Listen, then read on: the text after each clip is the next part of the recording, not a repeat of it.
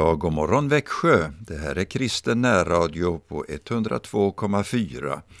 Och när vi säger god morgon Växjö så tänker vi också på er, alltifrån eh, Åseda i norr och eh, Vislanda och Ryssby i söder och Lessebo i öster och eh, Lammhult i väster. För vi vet att vi har lyssnare runt om Växjö stad också. Varmt välkommen och det är Anita Örjan Bäckeryd som är i studion och eh, Erik Olsson sköter tekniken. Ja, och vi ska lyssna till en sång. Temat idag det blir Ge aldrig upp. Och eh, nu ska vi få höra sången Din trofasta kärlek. Det är gruppen Gemenskap som sjunger.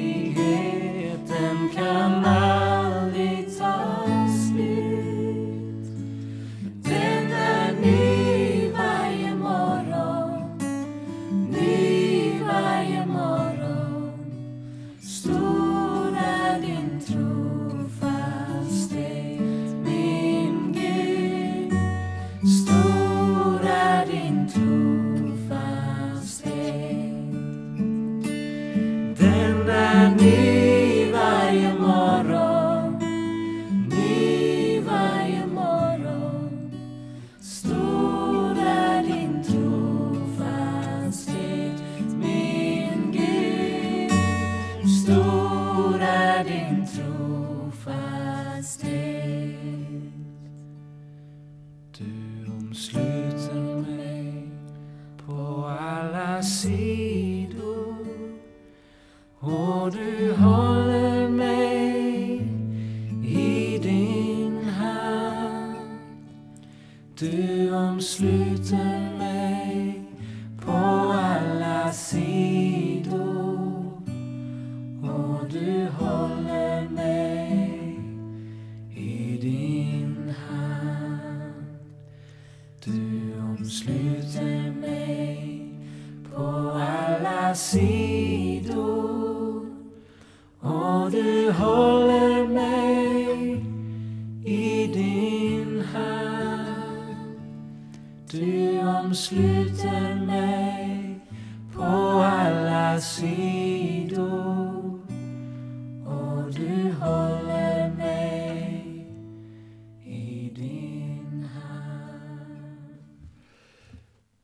Ja, det här var ju en sång som är fylld av trosvisshet och eh, eh, tillit till Guds närvaro.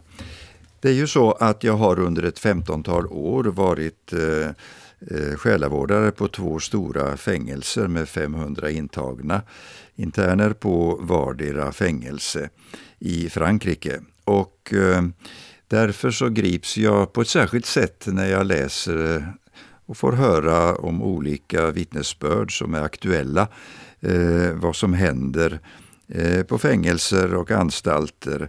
Eh, jag menar när Guds ord verkligen får förvandla människoliv. Eh, vi har fått i våra händer en eh, tidskrift som är utgiven av eh, bibelutdelningsorganisationen eh, Goda nyheter. Och det här det sista numret eh, tar upp eh, ämnet Annika Östberg. Kanske några minns 1981, för så pass länge sedan. Eh, då var, råkade hon ut för en fruktansvärd situation i sitt liv. Och det ska vi få lyssna till i det här vittnesbördet. Men eh, hon kom till Sverige 2009 efter 28 år i amerikanskt fängelse och eh, nu ska du få del av eh, vittnesbördet som det står i eh, Goda nyheter. Då läser jag. Annika hade levt ett hårt liv och var heroinberoende innan hon var 14 år. Hon rymde hemifrån som 13-åring och drogs till Kalifornien och i San Francisco som, som i slutet av 60-talet var ett center för hippierörelsen, fri kärlek och droger. 1981 så träffade hon Bob, en kille som var langare. Tillsammans med honom sålde hon stulna varor för att bekosta sitt beroende och en kväll gick allt fel. Det blev bråk och Bob sköt mannen det gjorde affärer med. Annika var chockad och förstod att det här var slutet. Hon hade en son som bodde med sin pappa i norra Kalifornien. Och honom ville hon absolut träffa innan något mer hände. De gav sig av norrut. Längs vägen fick de punktering och de blev stoppade av en polis. Bob klev ur bilen och sköt polismannen och där blev de gripna. Annika är väldigt noga med att framhålla att hon inte skyller ifrån sig på Bob. Jag har aldrig förminskat mitt deltagande. Det var min livsstil. Det var mina beslut.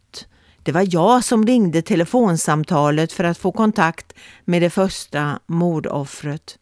Det var mitt beslut att åka till norra Kalifornien och jag var den drivande faktorn att få pengar till mitt beroende. Länge, länge kände jag att även om han höll i vapnet så var jag moraliskt ansvarig. Ja, Annika sattes i fängelse först i dödscell men efter att dödsstraffet omvandlas till 25 år upp till livstid fördes hon till den stora anstalten. Hon hade under de första åren i fängelse klarat av att vara drogfri men när hon 1985 fick ett besked att hennes son kört ihjäl sig och att hans pappa dött samma dag i hjärtinfarkt så brast det. Drogerna var det enda som någorlunda bedövade hennes smärta. Så fortsatte hennes liv tills hon fyra år senare fastnade i en drogtest. Hon testade positivt och hamnade i straffisolering. Inlåst i isoleringscellen hände något. Hela hennes liv började spelas upp inför henne. Allt som jag var ansvarig för, alla som jag hade förstört, alla människor jag hade gjort illa, skadat, stulit ifrån, det bara rasade över mig i en enda tyngd och jag bara gav upp. Jag la mig på rygg och skrek hjälp. Annika var så arg på Gud och ropade ut sin förtvivlan. Att han tagit hennes son och lämnat henne kvar. Hon som borde ha varit död många gånger om. Trots att Annika inte hade någon tro på Gud så var det till honom hon vände sig. I det mörkaste mörker var Gud det enda som fanns kvar, säger hon. Jag bad av hela mitt hjärta. Visa mig, visa mig eller ta mig härifrån. Nästa morgon tänkte hon att det naturligtvis inte hade hänt något, men när hon blev utsläppt ur isoleringen 30 dagar senare började det genast hända saker. Det första som hände var att jag träffade en kompis som jag knarkat med både inne och ute. Hon var helt drogfri. Hon hade hittat ett sätt att leva, en gemenskap, anonyma narkomaner på kristen grund som helt har det förändrat hennes liv. Annika hade förlikat sig med att, att efter allt hon gjort mot andra och sig själv så fanns det ingen utväg för henne. Hon säger att jag skulle dö. en, som en narkoman, en narkomans död med en kal, kalyr, kanyl i armen bakom lås och bom. Det var mitt öde. Nu fick hon plötsligt se att någon med en liknande bakgrund som hon, som hon själv, hade hittat en väg ut. Hon började lyssna, ta till sig instruktioner och livet förändrades. Ja, prästen Leif Eliasson kom till Svenska kyrkan i utlandet eh, i Los Angeles 1991. Han började hälsa på Annika i fängelset och de fick en speciell kontakt. Genom hans sätt att blanda vardagliga händelser med bibliska händelser blev något som tidigare varit saga verkligt. Han berättade om kvinnan vid brunnen, om lärjungarna som satt i fängelse och att Jesus umgicks med prostituerade kvinnor. Annika började se att Jesus inte bara var för de som hade välordnade liv, utan även för en sådan som hon. Leif ville ge Annika en bibel, ett fick-Nya testamente från Gidoniterna, men ingen fick lämna något till fångarna och han blev stoppad. Han försökte skicka in den, men bara förlag fick skicka in böcker till fängelset. Han gav sig inte och till sist kunde fängelseprästen smuggla in den och ge den till Annika i fängelsekyrkan.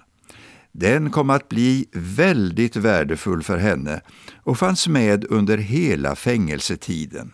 Bibeln var en av de få saker som följde med hela vägen till Sverige och finns fortfarande kvar. Det var något visst att hålla i den. Den gav kraft, den påminde om hemma, mina rötter, min mamma. Leif, fängelsepastorn, talade mycket om förlåtelse. Något som var väldigt svårt för Annika att ta till sig. Det tog mig många, många år att komma fram till att det är okej okay att acceptera att det faktiskt inte var jag som sköt. Det var faktiskt inte jag som tog livet av dessa män, men jag kände att ansvaret på mig var väldigt tungt. Jag och Leif, alltså fängelsepastorn, hade kommit fram till att de hade suttit och pratat i över 400 timmar. Han var fantastisk, säger hon. Han övertygade mig om att bara be om förlåtelse. Ett löfte är ett löfte, så jag bad och jag läste i min bibel och samlade mod att till slut våga be bönen. Väldigt rädd och väldigt tyst. Förlåtelse kom som en smygande känsla Annika hade haft svårt att uppskatta något utan en knag, glag, gnagande känsla av skuld. Morden var som skuggor över henne. Nu märkte hon plötsligt att det var borta och att hon kunde andas. Jag kände mig inte full av skuld. Jag kände mig fylld av något helt annat och jag förstod att jag helt enkelt blivit förlåten. Det är en känsla som jag aldrig glömmer. Det var så fantastiskt. Ja, Annika hade vid det här laget accepterat att hon aldrig skulle komma ut ur fängelset. Hon förstod att hon måste bestämma sig för att leva eller inte. Frågan var hur hon skulle orka leva i den här världen. Den lättaste vägen var att ta sitt liv, men hon bestämde sig för att välja livet. Okej, okay, jag gör det här och jag gör det efter bästa förmåga. Jag började investera runt omkring mig istället för att vara arg och tänka på hur jag skulle få nästa sil och checka ut. Annika började hjälpa kvinnorna runt omkring sig i fängelset. Hon skrev brev Vissa kunde varken skriva eller läsa. Hon läste familjejuridik och hjälpte till och med överklaganden. Hon började känna att det kanske ändå fanns en mening med hennes liv. Det fanns perioder när livet hängde på en skör tråd och hon var nära att ge upp. Men varje gång den tanken kom så hände något som gav ny kraft att hålla ut. Hon fick besök, ett brev eller ett enkelt tack. Vad den var så var det någonting i mig som sa okej, okay, vänta lite, vänta lite, lite längre. Ett tillfälle som Annika aldrig glömmer var när 13 kyrkoledare i Sverige kommit överens om att be för henne och hennes situation i sina församlingar samma dag och tid. Det kändes som om jag höll i en elektrisk ledning. Det var en sån styrka. Det bara surrade. Det var som en elektrisk stöt gick igenom hela mig. Jag ryser när jag tänker på det. Jag visste nu, nu händer det. Det var en fantastisk känsla. Sista gången Annika ansökte om nåd var traumatiskt. När hon kom ut från förhöret var hon beredd att ge upp. Återigen hände något som gav nytt hopp. Ett projekt där eh, som fanns för internen. interner så skulle de få träna servicehundar. Jag brukar säga att Gud satte hundar i mitt liv. Han visste då att jag behövde någonting konkret. Jag älskar hundar och skrev upp mig och fick delta i projektet. Av 3000 blev 20 utvalda och jag var en av dem. Under flera år tränade Annika hundar.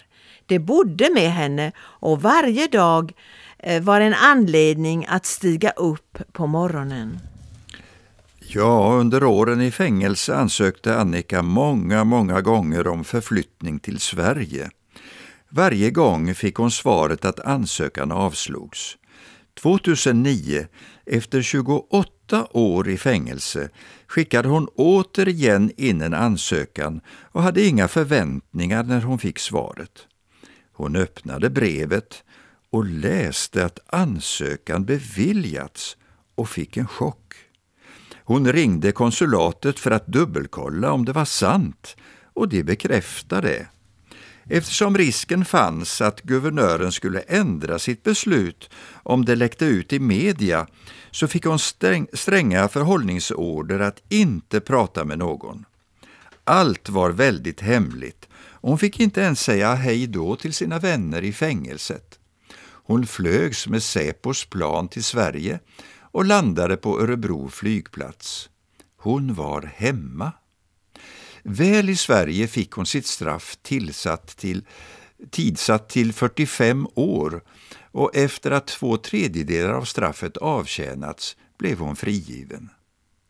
Idag bor Annika i Bergvik utanför Söderhamn, på den ort där hon som barn spenderat många lyckliga somrar. Innan pandemin slog till föreläste hon ofta om erfarenheter i olika sammanhang och hoppas komma igång med det snart igen. Hon delar gärna med sig av sitt liv och sin tro till andra. Hundar är fortfarande en stor del av hennes liv. Så fort hon fick möjlighet skaffade hon sig en egen hund, Tasha. Idag har hon två hundar som betyder oerhört mycket för henne. Det är så många gåvor runt omkring mig som jag kan ta vara på. Bara att gå ut med hundarna i skogen, lyssna på tystnaden. Vilken gåva att ha den möjligheten. Det tänker de flesta människor inte på. Men jag glömmer aldrig hur det kändes att vara inlåst. Jag glömmer aldrig den världen. Jag glömmer aldrig de tjejerna. Annika sammanfattar med att säga Ge aldrig upp. Man vet aldrig hur livet ska bli. Wait for a next curve. Vänta på nästa kurva. Man vet aldrig vad som ligger framför. Det kan vara något fantastiskt. Ge aldrig upp. Ja, det här är ju ett fantastiskt vittnesbörd. Och det gör att jag minns ju hur jag eh, på de här fängelserna där jag hade min uppgift eh, till varje påskgudstjänst som jag hade tillsammans med den katolske biskopen, eh, då fick jag dela ut Nya testamentet från organisationen Gideoniterna som nu heter Goda nyheter här i Sverige. Och eh, det blev faktiskt till vändning också för flera utav internerna där. Jag vill gärna tacka Gud för eh, Annika Östbergs vittnesbörd, för vad hon fick uppleva och inte minst genom att eh, fängelsepastorn Leif, ja, Svenska kyrkans präst Leif som fick tillträde till fängelset, att han höll ut också. Och han visade fram just till det här viktiga och väsentliga som gäller att förlåta sig själv och att börja tro att Gud kan använda oss. Eh, jag vill gärna tacka Herren Tack Herre för Annikas vittnesbörd, för den stora livsförvandling som du har gjort. Tack för hennes uppgift idag, att hon vill berätta om denna livsförvandling. Tack att hon fick del utav Guds ordet där i sin cell och att hon eh, hade mod och kraft att eh, fortsätta och läsa och söka i ditt ord och tack att du är oss så nära när man söker dig. Tack att du välsignar också de eh, olika fångar som jag tänker på i denna stund och som jag minns hur de började ta emot dig i sina hjärtan och fick frid och fick eh, möjlighet att förlåta sig själva också. Herre, när din förlåtelse kom i deras hjärtan till fullo. Herre, vi tackar dig att du hör om det är någon som sitter bunden eh, på något sätt i olika laster och droger, någon som lyssnar kanske på det här programmet. Tack att det kan bli också till en vändpunkt i ett sådant liv. Vi vet att det är du som kan tillfredsställa oss i våra liv på ett helt och fullt sätt. Tack Herre att du hör våra böner. Amen. Ja, Annika hade ett favoritord ifrån Bibeln. Och det vet du vilket det var, Anita? Ja, det var ifrån Efesebrevet 6 och 10. Var starka i Herren och hans väldiga kraft. Ta på er hela Guds vapenrustning så att ni kan stå emot djävulens lömska attacker. Det är ju inte människor vi strider mot utan mot härskare och makter, mot mörkrets världshärskare och mot onda andemakter i himlarymden.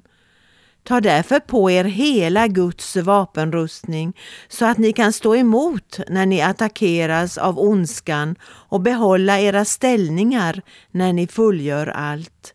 Stå alltså fasta. Spänn på er sanningen som ett bälte och rättfärdigheten som en bröstsköld. Sätt som skor på era fötter den beredskap som evangeliet om fred ger. Håll alltid trons sköld framför er, för med den kan ni släcka den ondes alla brinnande pilar. Ta emot frälsningens hjälm och Andens svärd som är Guds ord. Gör det under ständig bön och vädjan. Be alltid i Anden. Vaka därför och be uthålligt för alla de heliga utan att tröttna. Vi slutar med sången som är verkligen en proklamation för denna, denna, vad denna kvinna har gått igenom. Hon är nu fri. Mikael Järlestrand skriver, sjunger Jag är fri och sången är Jag gick vilse i världen och jag öppnade dörren mot ljuset och där stod Jesus. Lyssna.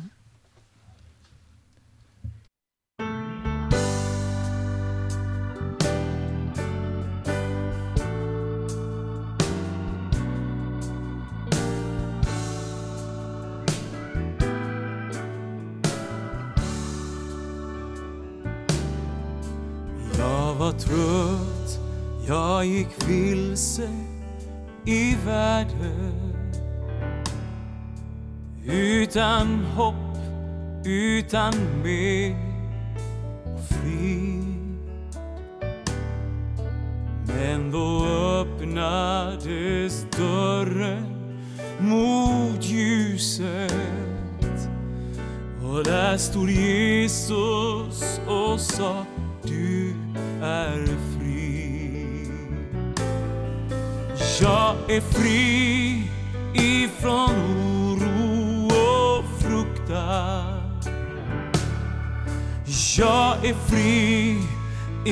från synd och all skam. Jag har bytt mina bojor mot frihetens sång. Jag är fri i all evighet. Men fastän jag nu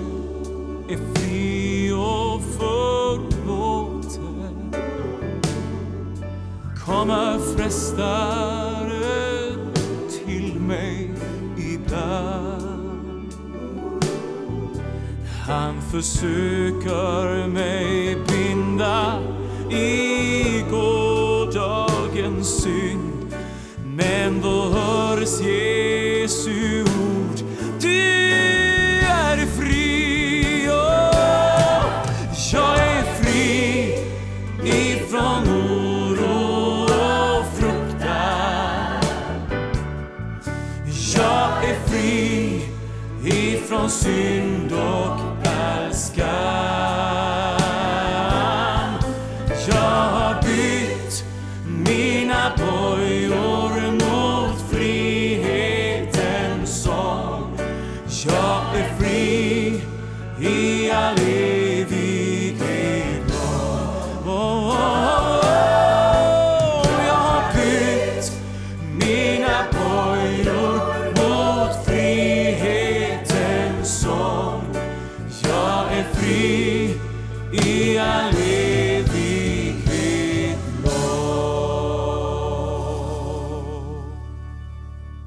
här friheten som Annika Östberg har fått uppleva, den kan ju också bli din.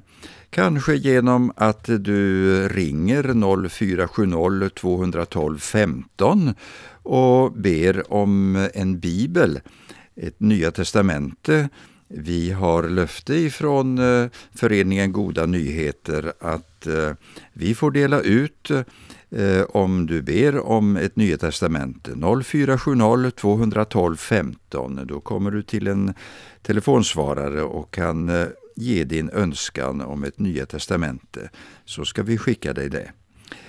Ja, det är viktigt att Guds ord får spridning och ingen annan bok har spridit så mycket utöver världen just som Bibeln. Och det är vi glada och tacksamma för. Vi avslutar det här programmet genom att eh, låta Jard Samuelsson sjunga Genom allt som sker är du där och det är naturligtvis Jesus som är närvarande. Tack och ha en bra dag.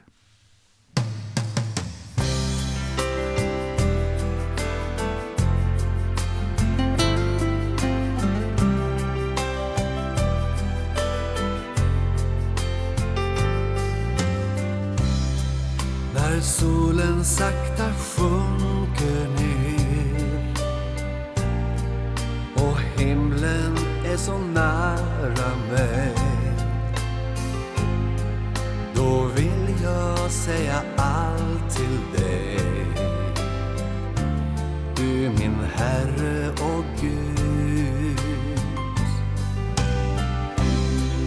Du känner all min ensamhet. Din kärlek värmer trött och frusen själ. När sorg och prövning möter mig Hos dig får jag vila ut. Genom allt som sker finns du där. Och idag är du min frälsare och vän.